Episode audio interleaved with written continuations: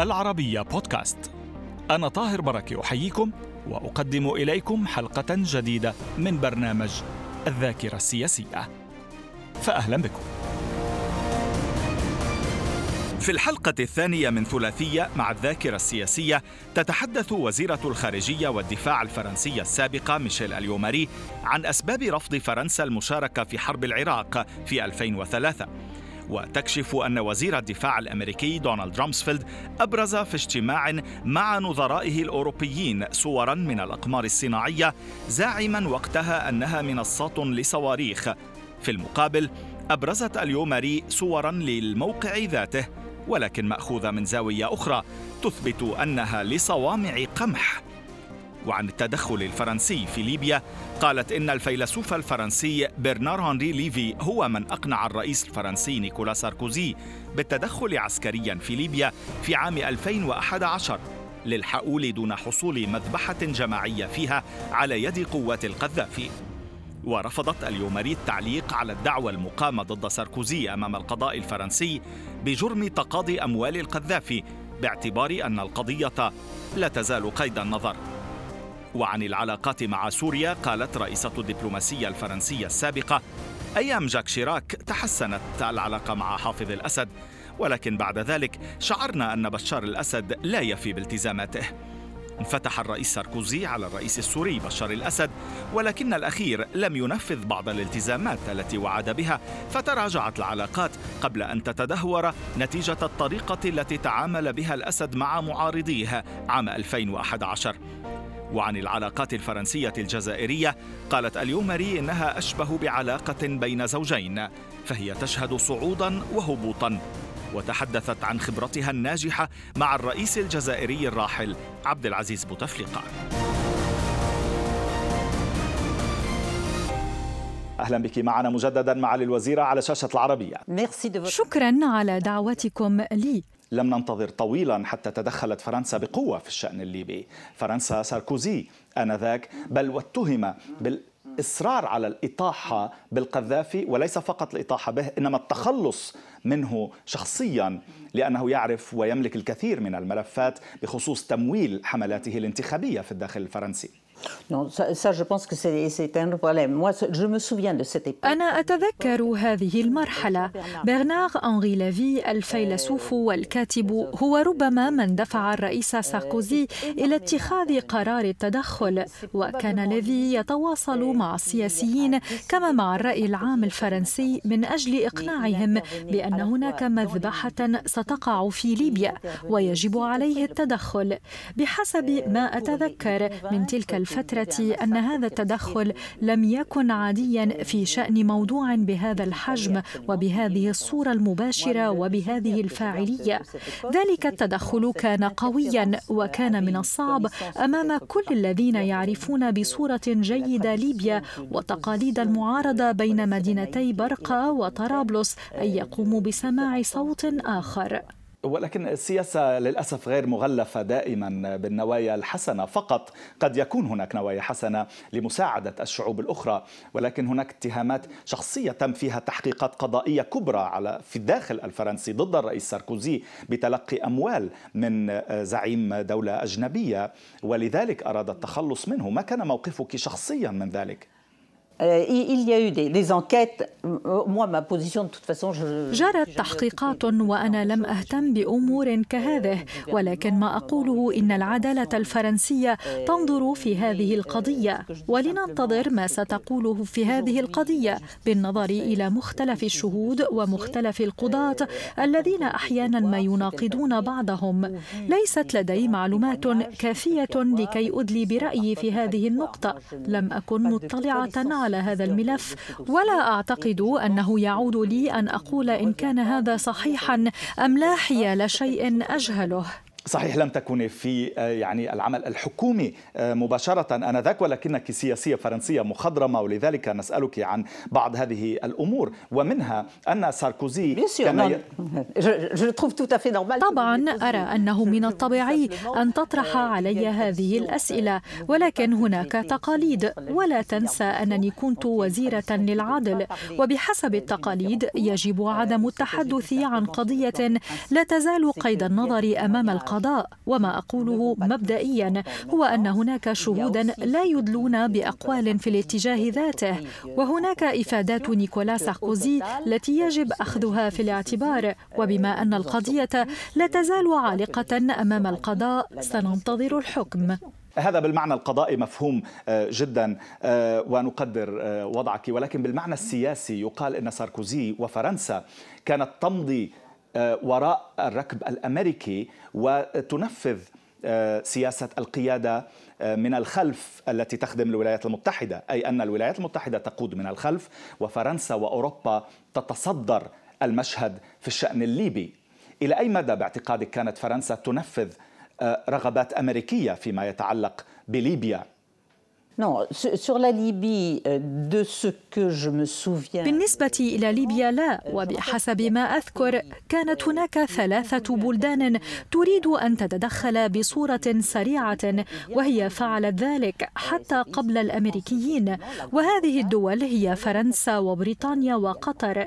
في مرحلة ثانية تدخلت الولايات المتحدة والإمارات العربية، هذه هي البلدان التي تدخلت في ليبيا وقتها، وبحسب بما أذكر لا أعتقد أبدا أن الولايات المتحدة الأمريكية قد تلاعبت بالموقف الفرنسي. سبق أن ذكرت أن برنار أنغي ليفي هو الذي كان المبادر في هذا المجال على المستوى الفرنسي حتى يكون هناك تدخل. لو كنت وزير الدفاع آنذاك لكنت رفضتي Écoutez, un ministre, je crois que Jean-Pierre Chevènement, qui est aussi un ministre qui, qui est un peu... Jean-Pierre Chevènement وزير الداخلية الأسبق الديغولي كان يردد دائما أن الوزير ينفذ القرارات على المستوى الدولي والعسكري هذه الأمور كلها هي من صلاحيات رئيس الجمهورية وإلا فهذا الوزير يستقيل صحيح في النظام الفرنسي على الأقل أه الانفتاح على الرئيس السوري بشار الأسد Pas simplement en France, je pense. Je pense que dans beaucoup d'autres.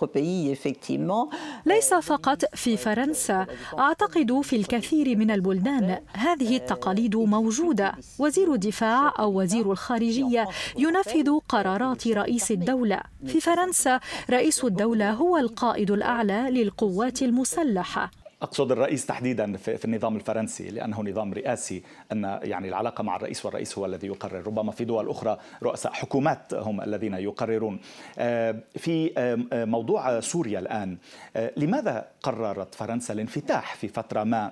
أيام الرئيس ساركوزي أيضا على الرئيس السوري بشار الأسد رغم كل الاتهامات التي سيقت ضده في مجال حقوق الإنسان. وهذا موضوع حساس جدا بالنسبة إلى فرنسا. Absolument. تماما الثورة الفرنسية قدمت مكاسب لكل أوروبا والعالم وكانت نموذجا حتى خارج أوروبا.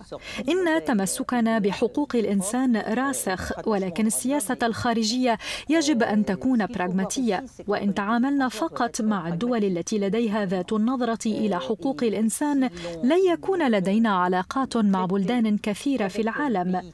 هناك بلدان حتى داخل الاتحاد الأوروبي نرى أن ممارساتها السياسية هي محط جدل وشك فيما يتعلق بتطبيق حقوق الإنسان.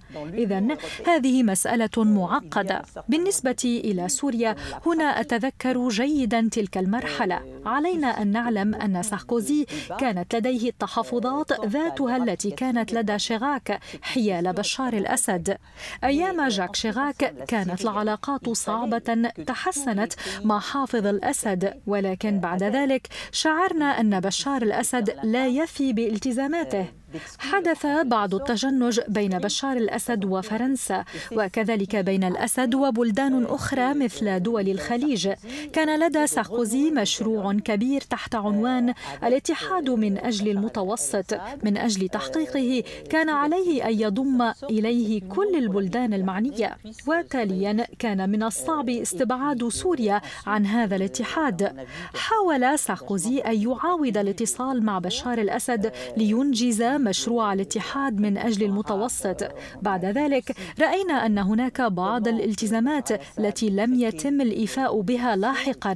وبعد الربيع العربي أيضا رأينا كيف تعامل بشار الأسد مع المعارضة. وهنا تدهورت العلاقات فصدرت مواقف فرنسية معارضة ضد الرئيس السوري. ألا تعتقدين أنكم خذلتم الشعب السوري في ثورته؟ في وقت من الأوقات وإذا أردنا أن نتحدث في هذا الموضوع وهذا ما نراه اليوم في روسيا. هذا الأمر يطرح الكثير من المشكلات بالنسبة إلى خذلان الشعب السوري. ساركوزي لم ينجح في البداية مع بشار الأسد لإجباره على اتخاذ موقف مختلف إذاء مطالب شعبه. ولا أعتقد أن فرنسا كانت الدولة الوحيدة التي حاولت مع الأسد فالسلطات السعودية على ما أعتقد حاولت إفهامه أن بعض الأمور لا يمكن أن تحدث وعليه الاستماع إلى مطالب الشعب عندما يكون المرء على رأس الدولة. ولكن ساركوزي المعروف عنه أنه كان متحمسا جدا للتدخل عسكريا في سوريا. آه، ما الذي جعله يعرض عن ذلك لاحقا؟ هل هو الانسحاب الأمريكي الرفض الأمريكي للتدخل رغم الخطوط الحمراء التي حددت آنذاك؟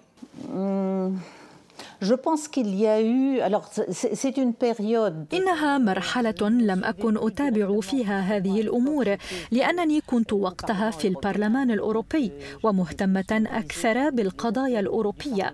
أعتقد أنه حدثت وقتها نقاشات بين دول عدة ومنها بين فرنسا والولايات المتحدة لمعرفة ما هو الموقف الواجب اتخاذه في المنطقة السورية ولكنها لم تكن فقط محصورة بالمنطقة السورية لأن الأزمة السورية كانت لها تبعات أبعد من ذلك. وإننا نلاحظ اليوم أن القوى العظمى مهتمة بما يحدث في هذه اللعبة الإقليمية.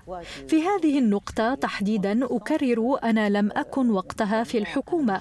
إذا لا يمكنني أن أؤكد تفاصيل تلك المرحلة.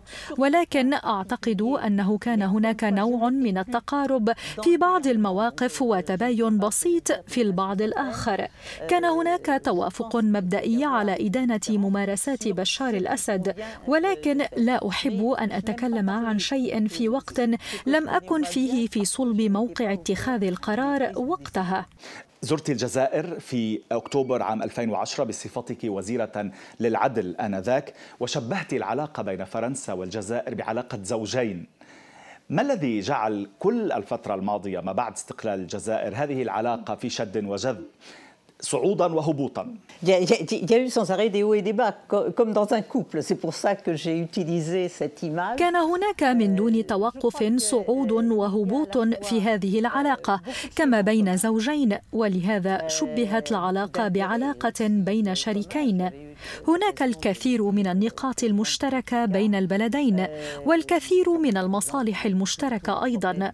لقد تسنى لي أن أقول ذلك للرئيس بوتفليقه هناك كل المشكلات المتعلقة بمكافحة الإرهاب وتهريب المخدرات.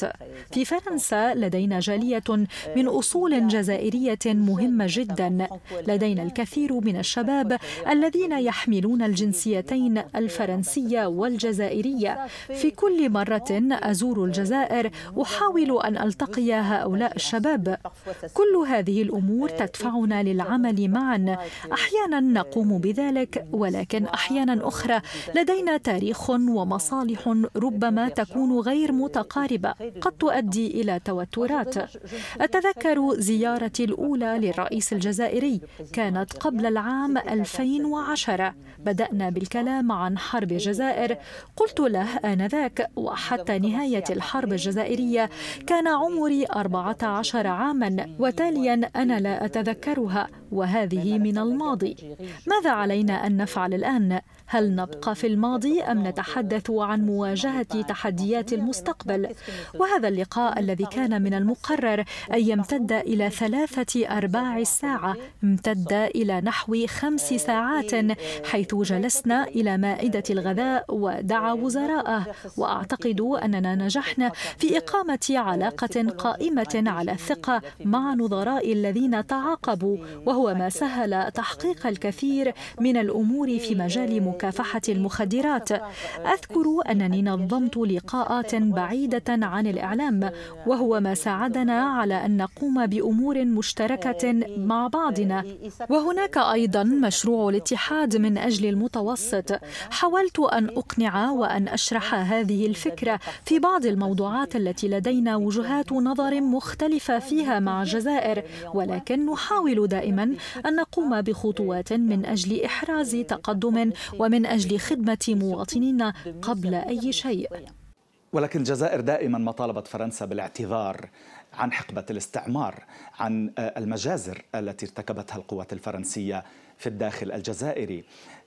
لماذا من الصعب على فرنسا الدولة وليس الأشخاص الذين لم يعيشوا ربما في كثير منهم تلك الحرب لماذا من الصعب عليها أن تتفهم حاجة الآخر أيضا؟ وفرنسا هي فرنسا الحرية والمساواة والإخاء. أن تتفهم أن للآخر أيضا حاجات ورغبات ودوافع للتحرر من إرث الماضي الثقيل جدا عليهم. أعتقد أن فرنسا تفهم ذلك جيدا ولا سيما أن تاريخ فرنسا هو تاريخ أليم. ولن أعود إلى الاستعمار الروماني وأعتقد أن الرؤساء المتعاقبين منذ جاك شيراك والرئيس الحالي إيمانويل ماكرون حاولا كتابة تاريخ مشترك. وهذه أفضل طريقة من أجل تقاسم هذا التاريخ. نحن نعيش في عالم خطير جدا. يرتفع فيه منسوب التوتر وتاليا إن مسؤولية كل دولة هي أن تحضر للمستقبل حتى يكون هذا المستقبل امنا ومريحا لمواطنيها. وهذا الأمر يتحقق من خلال العمل المشترك بين الدول والمواطنين. وأنا تحدثت عن هذا الموضوع قبل قليل وكنت في كل مرة أطلب من السفير تنظيم لقاء لي مع الشباب أو الطلاب الجامعيين الجامعيين أو الفنانين. في كل مرة كنت أشعر بالدهشة لأنهم كانوا مهتمين بشكل أساسي بتنمية العلاقات. وكيف كنا نحن الفرنسيين نستطيع أن نساعدهم من أجل استخدام مواهبهم في هذا المجال؟ إذا الموضوع لرمزيته يعني بين قوسين عدم الاعتذار لرمزية الأمر لخطورته على الكبرياء الفرنسي أو لأنه يحمل فرنسا تبعات قانونية ومالية ربما.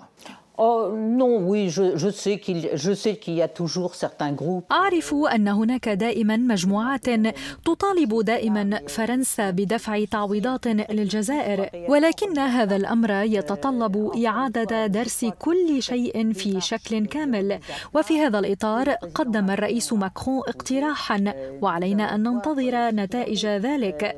بالنسبة إلى الماضي هو الماضي، من الطبيعي أن نقوم بتحليل هذا التاريخ بصورة صورة مشتركة حتى نتفادى تكرار الأمور السلبية التي حدثت في الماضي وهذا ربما هو دور المؤرخين القادرين على التفريق بين الصح والخطأ وما ينبغي تفسيره بهذه الصيغة أو تلك.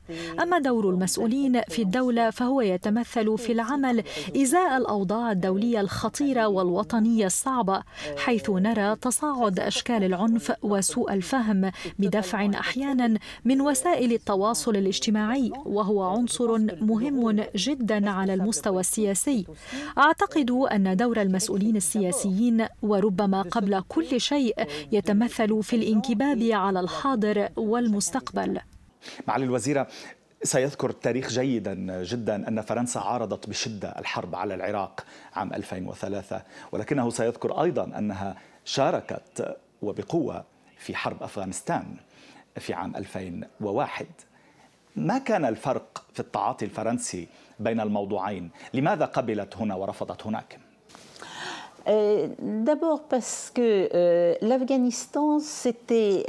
بالنسبة إلى أفغانستان حدث ذلك عقب أحداث الحادي عشر من سبتمبر في الولايات المتحدة الأمريكية حيث كانت القاعدة تتخذ من أفغانستان ملاذا لها. وكان هناك نظام طالبان الذي كان يقمع خصوصا النساء. كذلك شاهدنا كيف دمرت طالبان التماثيل الكبرى في أفغانستان التي تنتمي إلى التراث العالمي المشترك. وحقوق الإنسان كانت منتهكة في أفغانستان وكانت الإناث محرومات من حق التعليم. وبما أنه تم استهداف الولايات المتحدة مباشرة من خلال أحداث الحادي عشر من سبتمبر والمشاهد التي شاهدناها ولا سيما منها انهيار البرجين في نيويورك. وعليه أن تدخل فرنسا يعد دعما لحليف وصديق ساعدنا في حربنا ضد النازية في الحرب العالمية الثانية. لذلك تدخلنا في أفغانستان. هذا الأمر تم في إطار الحلف الأطلسي وهذا الأمر لا ينبغي إغفاله. شاركت في حرب أفغانستان بلدان من الناتو وأخرى من خارج هذا الحلف. هذا الأمر مهم وتجدر الإشارة إليه. أما بالنسبة إلى العراق فالوضع مختلف. كان هناك عمل وقائي بطرق غير مقبولة بالنسبة إلينا. سأسرد لك طرفة لكنها ذات مغزى في مطلع الفترة التي تسلمت فيها وزارة الدفاع التقينا في اجتماع في براغ أو وارسو. لم أعد أذكر بالضبط أين مع دونالد رامسفيلد الذي كان نظيري الأمريكي الذي أراد وقتها أن يقنع الأوروبيين بالمشاركة في العملية المنوي تنفيذها في العراق. Qu'il nous a fait passer. Nous n'étions que les ministres autour de la table. Euh, avec des, des, photos satellites dans lesquelles il a montré sur ces photos ce qu'il a présenté euh, missiles. أتى وبحوزته عدد من الصور الملتقطة بواسطة الأقمار الصناعية وعرضها علينا حيث لم يكن هناك إلا وزراء حول الطاولة وقدم تلك الصور على أنها منصات لإطلاق الصواريخ وقال إن صدام حسين سيستخدم هذه المنصات لإطلاق الصواريخ وكانت وصلتني أصداء عما ينوي قوله وعرضه علينا قبل أيام من الاجتماع فطلبت من الجيش الفرنسي انطلاقا من أقمارنا الصناعية التقاط أكبر عدد ممكن من الصور للعراق euh, J'ai sorti les photos qui venaient des satellites français et qui montraient qu'en en fait, il s'agissait de silos de blé. عندما عرض رامسفيلد صوره أخرجت الصور التي التقطتها الأقمار الصناعية الفرنسية التي أظهرت أنها تتعلق بصوامع القمح. فقط الزاوية التي تم من خلالها التقاط الصور لم تكن نفسها. الصور التي أظهرها الأمريكيون وأعتقد كان لديهم غيرها. كان بالإمكان أن تظهر وكأنها منصات لإطلاق الصواريخ والصور التي لدينا والمأخوذة من زاوية أخرى أخرى أظهرت أنها تتعلق بمنشأة مدنية. هناك نلاحظ أهمية السيادة. لو لم يكن لدينا إلا الصور الأمريكية لربما كنا اعتمدنا التفسير ذاته ولكننا لم نفعل ذلك. هذا كان الموقف الفرنسي. فنحن لم نكن نصطف وراء الولايات المتحدة في كل ما تريده. نحن نعمل في شكل مستقل كفرنسيين. يكون الأمر مشروعا عندما نشارك في عملية عملية عسكرية مع دولة حليفة وصديقة تعرضت لهجوم، أما في وضع آخر لا نشارك معها عندما نجد خطأ، وجاك شيراك ارتأى أن هناك خطأ وأننا سنخلق منطقة توتر ونزاع واسعة في تلك المنطقة إذا قمنا بتقويض العراق، وكان بإمكاننا انتقاد صدام حسين. ولذلك اتخذنا هذا الموقف. أنا ذهبت وشرحت هذا الموقف في كل دول الخليج وقتها كمفاده من الرئيس جاك شيراك معالي الوزيرة اسمحي لنا أن نتوقف عند هذا الحد في هذه الحلقة فقط ولكن على أن نتابع في بداية الحلقة المقبلة معك. شكرا جزيلا لوجودك معنا في هذه الحلقات على شاشة العربية. نتابع وإياكم مع السياسية والوزيرة الفرنسية السابقة ميشيل أليو. ماري في بداية الحلقة المقبلة في الموعد نفسه فأرجو أن تتفضلوا بالبقاء معنا. إلى اللقاء.